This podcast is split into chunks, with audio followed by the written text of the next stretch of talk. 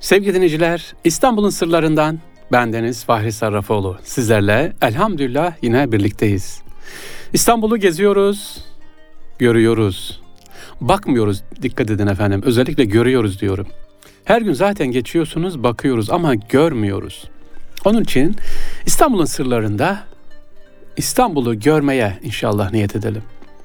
Farklılıkları nelermiş onlara bakalım. Efendim İstanbul'a ilk geldiğimde bir değerli ağabeyim büyüm demişti ki, oğlum İstanbul'un 60 kapısı var. Dikkat et her kapısında bir Allah dostu var. Bir manevi bekçi var demişti.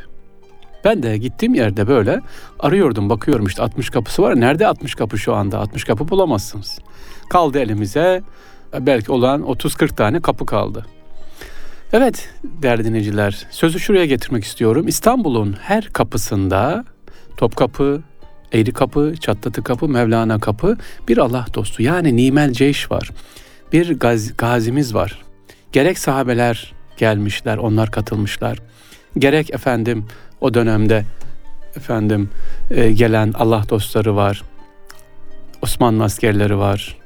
E, Abbasilerden de gelenler var. Hepsi İstanbul'un bu kapılarından bir kenarlarında ne yapıyor? Mezarlarını görürsün. İşte şimdi İstanbul'un Sırları programında bu hafta biz bu Allah dostlarından bazılarını anlatacağım size. Yani gidiyorsun Topkapı'da sağında kim var? Şöyle bakın bir mezar olacak bulacaksınız. Veya ayrı kapıda. E hocam bulamıyoruz. Evet zamanında vardı ama 50'den sonra o mezarlar kaldırıldı şehitliğe gitti ya da başka Zeytinburnu tarafına gitti. Osmanlı döneminde her kapının yanında değerli dinleyiciler bir mezar vardı. Ya sahabe ya tabi'in ya tebe tabi'in ya e, İstanbul gazisi şehidi orada vardı efendim. Şimdi ilk başlıyoruz Derya Ali Baba Hazretleri. Evet, Fethi ordusunun yani 1453'te gelen ordumuzun sevgili dinleyiciler ilk nedir bu sakası. Saka deyince yani o da su işleriyle ilgilenen ordunun susuzluğunu gideren diyelim komutan. E, sene 1453 Fetih Ordusu İstanbul surlarına kadar dayanıyor. İstanbul'un düğüm düğüm olmuş çözümler bilmek bilmeyen sorunları yavaş yavaş çözülüyor efendim. Fatih Sultan Mehmet Han atın üzerinde ve bağırıyor. Askerleri celallendiriyor, koşturuyor, destek veriyor. Şehir neredeyse düş, düşecek efendim.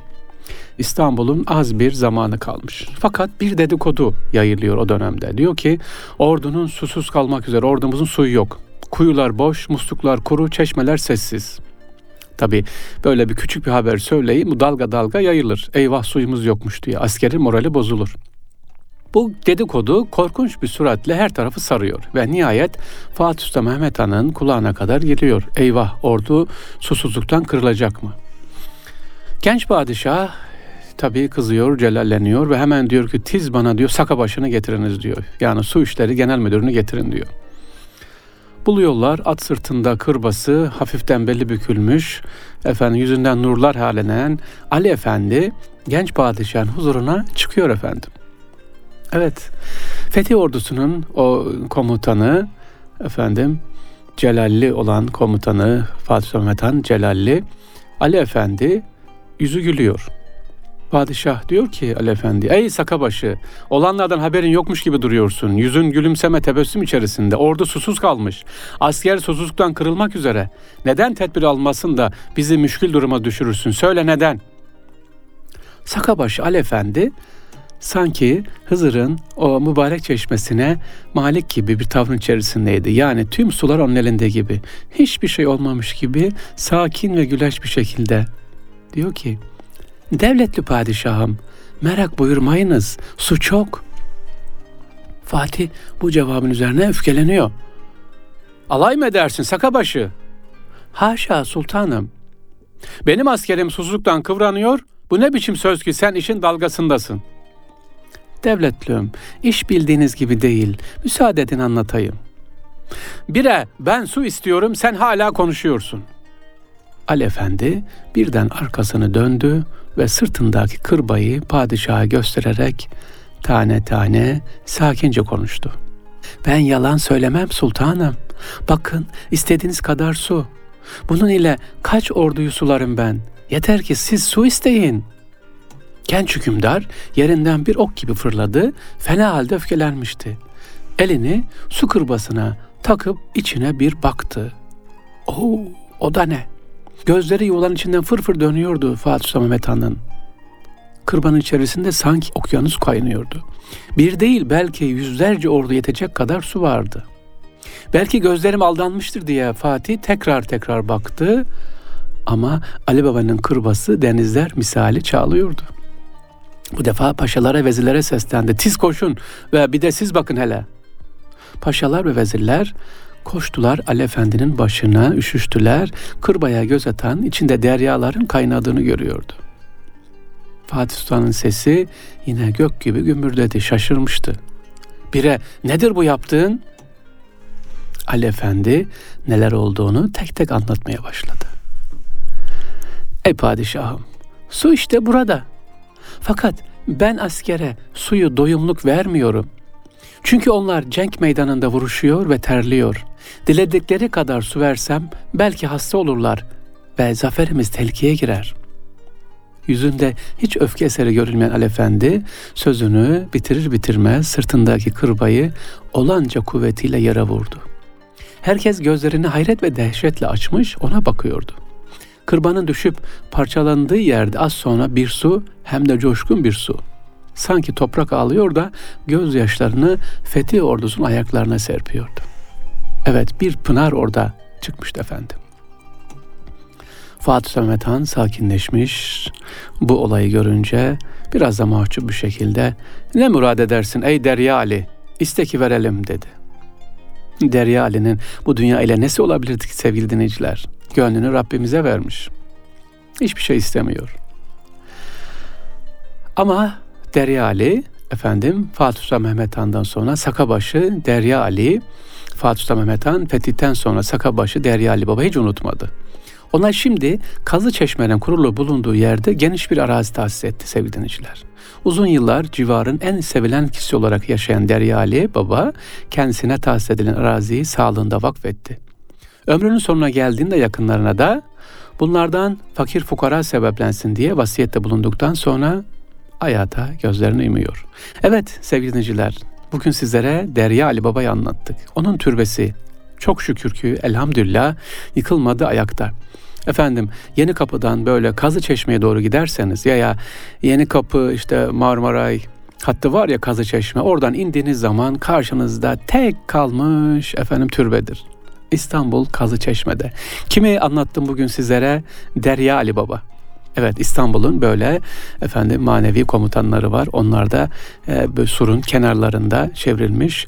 Her ne kadar 1453'te ya da bizden yıllar önce vefat etmişse de hala manevi enerjilerini inşallah koruyorlar, devam ettiriyorlar Allah'ın izniyle.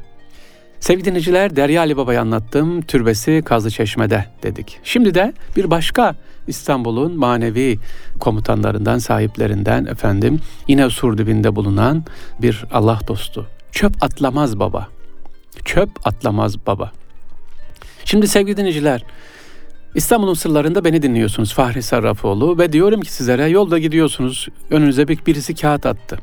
Ya da arabayla gidiyorsunuz işte 120 ile gidiyorsunuz önünüzdeki araba e, izmaretini sokağa attı, yola attı. Ne yaparsınız? Aman hoca ne yapacağım geçip giderim. Ha işte çöp atlamaz baba öyle yapmıyor. Arabanız 120 ile gitse bile arabayı durduruyor, kenara çekiyor, yakıyor dörtleri, gidiyor o çöpü, sigara, izmariti neyse alıp atıyor. Hocam olur mu? E oluyormuş ve varmış. Böyle bir ne diyeyim ben size haslet özellik. İşte çöp atlamaz baba bu. Yerde ne çöp görse duramıyor efendim. Elini kolunu bağlayın o çöpü alacak çöpe atacak.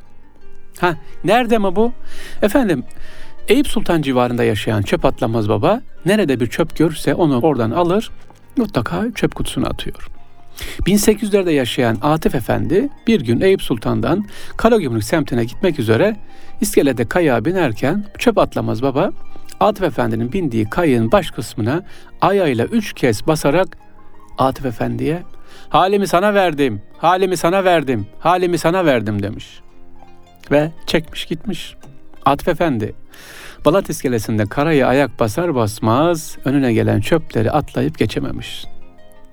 İşte ondan sonra Atif Efendi de önüne gelen çöpleri toplamak durumda kalmış. Çöp atlamaz baba bu. Türbesi nerede? Hocam ziyaret edebilir miyiz?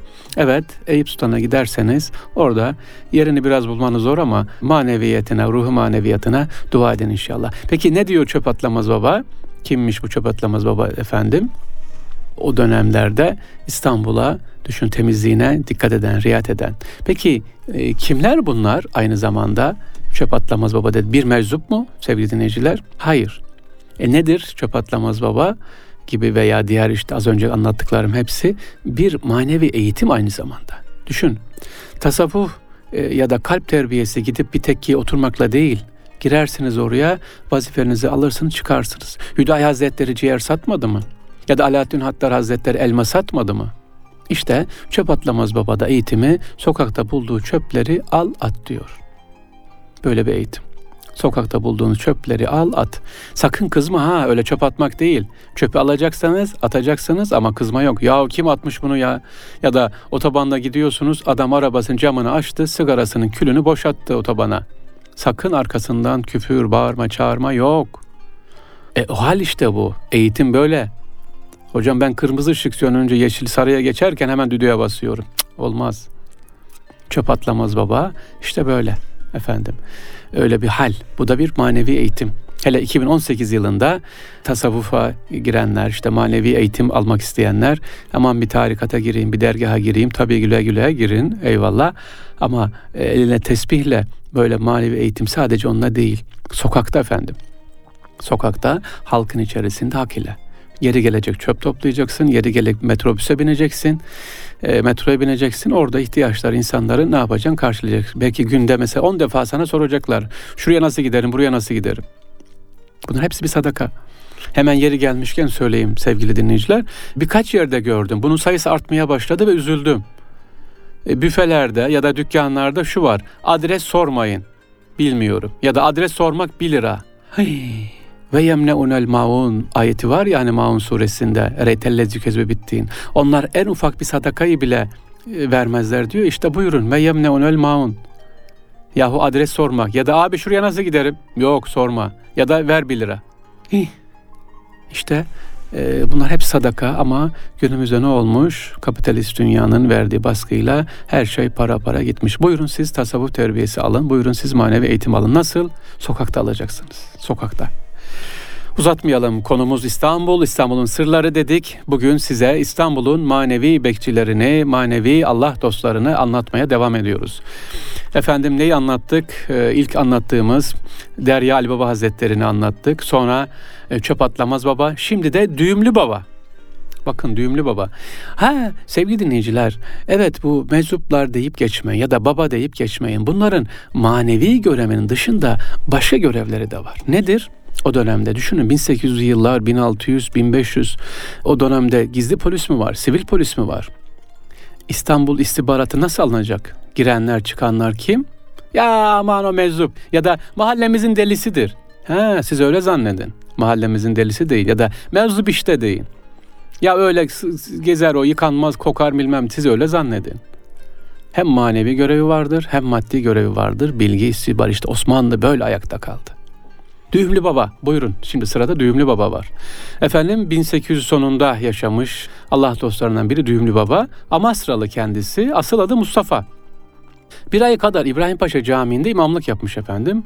Ee, Nakşibendiye yolunda hilafet aldıktan sonra hacca gidiyor bu Düğümlü Baba. Geldikten sonra kendisine cezbe hale geliyor. Eline geçen ipleri düğümleyip elbisesine ve sarığına hatta asasına bağlar böyle gezermiş. Bu nedenle kendisine Düğümlü Baba denmiş. Bu namla da meşhur olmuş. Düğümlü Baba 1866 senesinde 83 yaşında vefat ediyor. Kabri nerede mi? Kabri, türbesi nerede mi? Çok iyi bildiğiniz bir yerde. Çok kolay. Sultanahmet'te efendim. Ya Sultanahmet'te ben de bilmiyordum. Öğrendim. Sultanahmet türbesinin yanındaki orada küçük bahçede. Düğümlü Baba'ya gidebilirsiniz. Peki neden Düğümlü Baba? Hemen dedik düğüm düğüm atıyor mu? Efendim niye böyle söylüyor? Diyor ki bakın geldikten sonra hilafet almış. Kendisi bir tarikatın hilafetini almış. Yani manevi eğitim verebilecek durumda. Ken düğüm atıyor. En zor şey neymiş bu düğümle derken ağzını kapat diyor. Ya düğümün manası bu sevgili dinleyiciler. Düğüm düğüm düğüm düğüm karşı tarafına mesaj diyor ki çeneni kapat. Ama kibarca düğüm atıyor. Ağzını kapat. Dedikodu yapma. Gıybet yapma. Birisi gıybet yaparken dedikodu yapar hemen çıkarıyor düğüm atıyor. Onun üzerine kim konuşuyor birini çekiştiriyor hemen ne yapıyor gidiyor e, yeleğine işte ya da koluna ip bağlıyor. Size diyor ya düğümlü baba işte ne yapsın ip bağladı gitti. Hayır sana mesajı şu kardeşim dedikodu yapıyorsun. Gıybet yaptın. Ağzını bağla demek istiyor. Evet düğümlü babayı da anlattık. Ve sevgili dinleyiciler şimdi Horoz Mehmet dede var. Horoz Mehmet dedemiz e, bu çok önemli Horoz Mehmet dede. Fatih Sultan Han döneminde yaşamış olan bir e, hem asker hem Allah dostu efendim. İstanbul'un fethine gelirken her saat başı horoz gibi çırpınarak ötüyor efendim. Onun türbesi de Eğri Kapı'da. Bizzat ben gittim birkaç sefer onun yerinde temizledik elhamdülillah. Gidip görebilirsiniz. Eğri Kapı'da böyle Eyüp Sultan'dan gelirken efendim Ayvansaray'a girerken orada sahabelerin yanında Horoz Baba türbesi var. Görürsünüz. E, niye peki kalkıyor da e, horoz gibi çırp ötüyor efendim? Bu da tabii ki bir manevi eğitim. Diyor ki gafil olmayın. Gafil olma. Horozun nasıl saati belliyse belli saat öterse ey askerler siz de saat başı bakın kendisine vücut saati demek ki kalkın diyor. Allah'tan gafil olmayın. Askerler kendisine Horoz Baba diyorlar. Kimmiş peki Horoz Baba'nın aslı nereden geliyor? Hoca Ahmet Yesevi'nin müritlerinden ya Horoz Mehmet dede Hacı Bektaşi Veli'den birlikte Horasan'dan gelip Sultan II. Mehmet ile birlikte İstanbul'un fethinde bulunuyor. Nimel Ceyş yani müjdelenmiş asker. Efendim mezarı dediğim gibi gelip ne yapabilirsiniz? E, görebilirsiniz burada. Özellikle sevgili dinleyiciler e, Un Kapanı'ndan gelirken de Un Kapanı'ndan böyle Eminönü'ne giderken Yavuz Ersinan Camii var. Orada da kendisinin bir mezarı var. Un Kapanı Yavuz Ersinan Camii'nin hemen haziresinde Horoz Mehmet Dede diye. Horoz Mehmet Dede ziyaret edebilirsiniz. Ya bunları nedir? Sakın tekrar ediyorum aman mevzup diye geçiştirmeyelim. Hepsinin bir manevi görevi var. Maddi tabii görevleri de var. Amaç ne burada? Manevi tekamül sevgili dinleyiciler. Evet köpekçi dedeye geldik. Köpekçi Hasan Baba. Köpekçi Hasan Baba. Geçtiğimiz hafta e, sevgili dinleyiciler bizzat gittim buldum mezarını. E, Necati Bey mezarlığında Edirne Kapı'yı geçince şehitliğin içerisinde bayağı da güzel bir mezarlık. İlginçtir nedir biliyor musunuz ilginç olan? Ben mezarlıklar müdürünü aradım sağ olsun Yasin Bey bana gösterdi. E, baktım etrafında köpekler var. 2018 yılındayız. Ocak ayındayız. Köpekçi babanın mezarına gidiyorum. Etrafında köpekler var havlıyorlar. Adeta bana hoş geldin diyorlar. Evet. Bir arkadaşımla beraber gitmiştim. Fotoğraf da çektik. Köpekçi baba e, efendim kendisinin mezarı orada. E, neymiş niye köpekçi baba demiş? Ne oluyor? İstanbul'un meşhurlarından efendim Hasan Baba köpekler babası Ebul Klab diye tanınıyormuş. Yanına en az 5-6 tane sokak köpeği alıyor ve öyle gezermiş efendim. Hasan Baba bu köpeklere dilediği gibi bakıyor, eğitiyor. Onları çağırıyor, emirlerine uyuyor.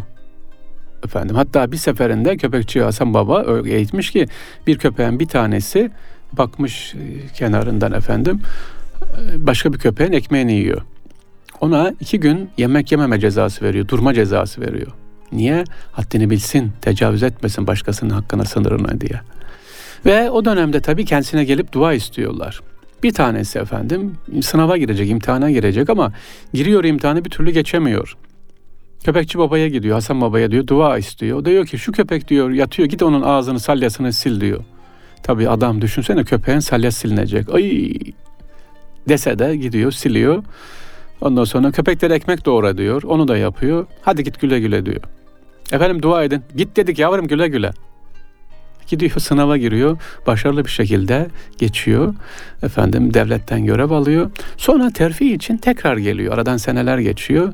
E, efendim diyor duaya geldim. Niye geldiğini biliyor tabii köpekçi Hasan Baba. Ülen diyor bir köpeğin diyor salyasını e, sildirdik işte, işte diyor bir makam aldın. Yeter bu kadar hadi git diyor herkes biliyor böyle bir Allah dostu köpekçi Hasan Baba. Kendisi o dönemde efendim yaşamış kendisi Edirne Kapı Mezarlığı'nda dediğim gibi Köpekçi Hasan Baba bilinen ama bunlar sadece etrafa ne yaparlar efendim dua verirler dua ederler. Hal ehli bilinenler de gelip onlardan dua isterler. Amaç ne? Dediğim gibi tekrar ediyorum insanın manevi tekamül efendim. Evet e, Köpekçi Hasan Baba'dan sonra geliyoruz. E, Nalıncı Mimi Dede. Ee, önceki gün bunun da mezarına gittim efendim bu dedemizin Nalıncı Memi Dede. Asıl adı Mehmet Memi. Kaynaklarda ise Nalini Memi Dede diye geçer. Nalıncı Memi Dede ya da Yatağan Dede, Yatan Dede gibi isimleri var. E, aslen Bergamalı efendim. Un kapanında bugün mevcut olmayan Azepler Camii'nin karşısında dükkanda nalıncılık yapıyormuş.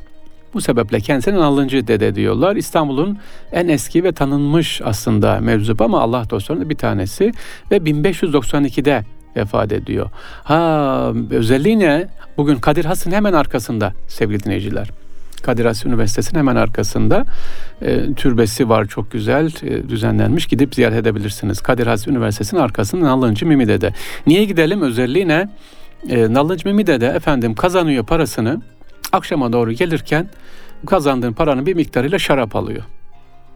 Elinde şarapla görüyor tabii millet. Ay diyorlar ya bu kazancını şaraba yatırıyor. Ama şarabı herkes öyle biliyor. Şarabı eve getiriyor, efendim döküyor. Ya da ya haram olan ne varsa alıyor efendim döküyor. Efendi diyor bak millet seni yanlış tanıyacak diyor. Vallahi senin cenazen ortada kalacak diyor hanımı. Kalmaz kalmaz diyor. Padişahın işine padişah kıldırır diyor.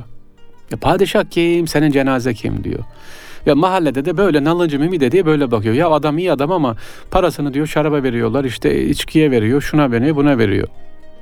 Sokakta mesela bir kadın tutuyor getiriyor. Al kızım diyor senin paran sabaha kadar burada kal.